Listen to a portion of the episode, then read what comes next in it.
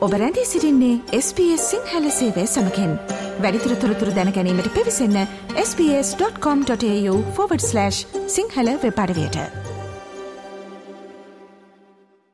ඔබ SBS Sinhala කුවන් විදිලිය සමකෙන්.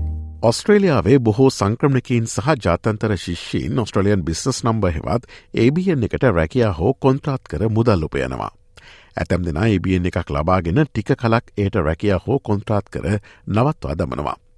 ඇතමෙක් ABN එකක් ලබාගත්තත් එය භාවිත කරන්නේ නැහැ. යමෙකු ABN එකක් ලබාගෙන එය අදාළ මුදල් වර්ෂය තුළ භාවිත නොකළහොත් ඒ වර්ෂයේදී ටැක්ස්විටන් එකක් ඉදිරිපත් කළ යුතුද. මේ ප්‍රශ්නයට උත්තර දෙන්න කලින් ABN එකක් කියන්න මොකක්ද කියලා අපි බලමු. ඔස්ට්‍රේලියාවේ යම්කිසි ව්‍යාපාරයක් පාතාගෙනයම සඳහා ස්ට්‍රලෙන් බිස්නස් නම්බ හෙවත් ABN එකක් අවශ්‍ය වනවා. මෙම ඒබියෙන් ලබාගැනීමට හැකි විධාකාර ව්‍යාපාර ව්‍යූහ තිබෙන බව මෙල්බන්නුවර ගණකාධිකාරිවරයක් සහ ලියාපදිංචි බදු නියෝජිතවරයක් වන ඉරානි ගම්මන් පිළ මහත්මය SBS ගුවන් නිදිලියට පැවසවා. මේ ඔස්ට්‍රේලියන් බිස්නස් නම්බර්ස් ලබාගන්නා විවිධාකාර ව්‍යාපාර ව්‍යූහතියෙනවා. ඒ කියන්නේ බිස්නස් ස්ට්‍රක්චර්ස් තියෙනවා. උදාහරණයක් හැටියට සෝල් ට්‍රේඩර් බිස්නස් එක. ඒ කියන්නේ තනි පුද්ගල ව්‍යාපාරයක්. එහෙමත් නැත්නම් හවුල් ව්‍යාපාරය. ඒ කියන්නේ පාර්ට්නර්ෂිප් එකක්. එහෙමත් නැත්නම් සමාගමක්. ඒ කියන්නේ කම්පැනි එකක්. එහෙමත් නැත්නම් ට්‍රස්ට් එකක් වෙන්න පුළුවන්. මේ ආකාරයේ විවිධාකාර ව්‍යාපාර ව්‍යුහ, ඒ කියන්නේ බිස්නස් ස්ට්‍රක්චර්ස් වලට ව්‍යාපාර පවත්වාගෙන යන්න නම් ABN එකක් අත්‍යවශ්‍ය වෙනවා. ABN එකට ආදෑම් උපයන ව්‍යාපාර විහුවලට අදාළ වන ආදෑම් බදු සීමාවන් මොනවද කියලා මෙතනදි කෙනෙකුට ප්‍රශ්නයක් නැගෙන්න්න පුළුවන්.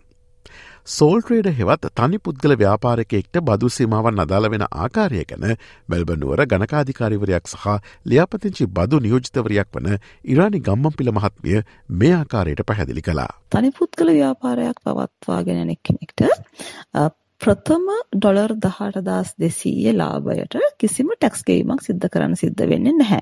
ඒ කියන්නේ පළවෙනියටම හම්බ වෙන ඩොලර් 18200 ලාභය ලාභය මෙතන මෙතන අපි කතා කරන්නේ ලාභයට ටැක්ස් ගෙවීමක් සිද්ධ කරන්න සිද්ධ වෙන්නේ නැහැ. ඩොලර් 18201 සිට ඩොලර් 45000 අතර ලාභයක් ලැබුවා නම් 19ක ටැක්ස් එකකුත් ඩොලර් 45000 සිට ඩොලර් 120000 වෙනකන් ලාභයක් ලැබුවා නම් 32.5ක ටැක්ස් එකකුත් එක් ලක්ෂ විසිදාහේ සිට එක් ලක්ෂ අසූදහ වෙනකන් ලාභයක් ලැබුවා නම් සිට 37ක ටැක්ස් එහෙකුත් එක් ලක්ෂ 80ට වඩා ලාභ ප්‍රමාණයක් ලැබුවා නම් සිට 45ක ටැක්ස් එහෙකුත් ගෙවන්න සිද්ධ වෙනවා. ඒත් එකම සමාගමකට ඒ අදාළ වන ආකාරය ගැනත් ගම්මන්පිල මහත්මිය මේ ආකාරයෙන් පැහැදිලි කිරීමක් කළා. කම්පනි එකක් ගත්තාම මේ කම්පනි එකේ ආදායම ඒ කියන්නේ ටර්නෝවර් එක මිලියන 50ට වඩා අඩු නම් එම කම්පනි එක ලබන ඩොලර් එකක ලාභයක් ලැබුවත් ඒ ලාභයට 25ක ටැක්ස් ගෙවීමක් සිද්ධ කරන්න වෙනවා. ඒ කියන්නේ ලාභයෙන් 25ක ප්‍රතිශතයකට ටැක්ස් ගෙවීම සිද්ධ කරන්න ඕනේ. අර තනි පුද්ගල ව්‍යාපාරයකදී වගේ 18200ක් වෙනකන් ටැක්ස් ගෙවීම සිද්ධ කරන්න වෙන්නේ නැහැ කියන එකක් කම්පැනි එකට ඇප්ලයි වෙන්නේ නැහැ.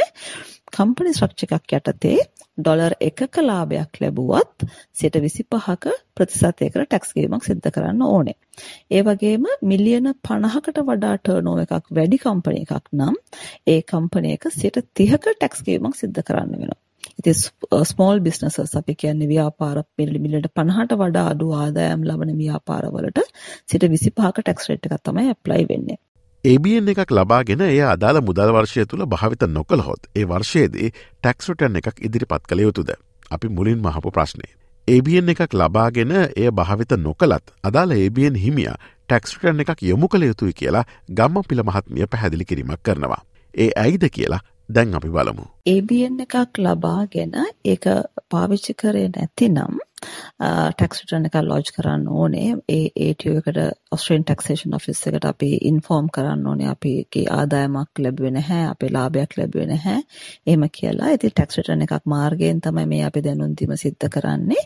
සෝල් ට්‍රේඩර් කෙනෙක් නම් ඒ කියන්නේ තනි පුද්ගල ව්‍යාපාරයක් තියෙන කෙනෙක් නම් එයා වෙන රැකියාවක් කරනවා නම් එයා ටැක්ස් රිටර්න් එක හදනකොට එයාගේ වෙන රැකියාවක ඒ කියන්නේ එම්ප්ලොයිමන්ට් එකක් තියෙනවා නම් එයාගේ තව වෙනත් ආදායම් වර්ග ඒ කියන්නේ ෂෙයාර්ස් හරි වෙන නැත්නම් ඉන්ට්‍රස්ට් හරි මොන හරි ඒ වගේ දේවල් වලින් ආදායම් ලැබීමක් කරලා තියෙනවා ඒවා ඒවත් සඳහන් කරලා ABN එකට ආදායමක් ලැබලා නැත්නම් ඒක බිඳුව හැටියට සඳහන් කරලා ටැක්ස් රිටර්න් එකක් ලොජ් කරනවා ඊට අමතරව කම්පැනි එකක් නම් ඒ කියන්නේ සමාගමක් නම් ආදායමක් ලැබලා නැත්නම් නැත්තම් ඒත් අපි ආදායම සීරෝ ඒ කියන්නේ නිල් ටැක්ස් රිටර්න් එකක් ලොන්ච් කරන්න ඕනේ. පාර්ට්නර්ෂිප් එකකටත් එහෙමයි, ට්‍රස්ට් එකකටත් එහෙමයි.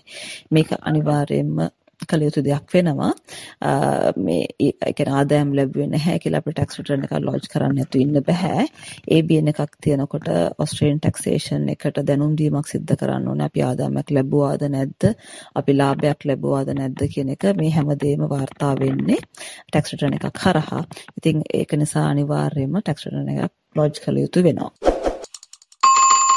මෙවැනි ඔස්ට්‍රලියාවේ නවතම තොරතුරු දැනගැනීමට SBS.com.tu4/ සිංහල යන අපගේ SBS සිංහල වෙබ් අඩවියට පිවිසන්න. SBS? SBS. SBS. SBS. SBS. SBS Radio. Like කරන්න ෂයා කරන්න අදහස් ප්‍රකාශ කරන්න. SBS සිංහල ෆස්බුක් පිටුව ෆලෝ කරන්න.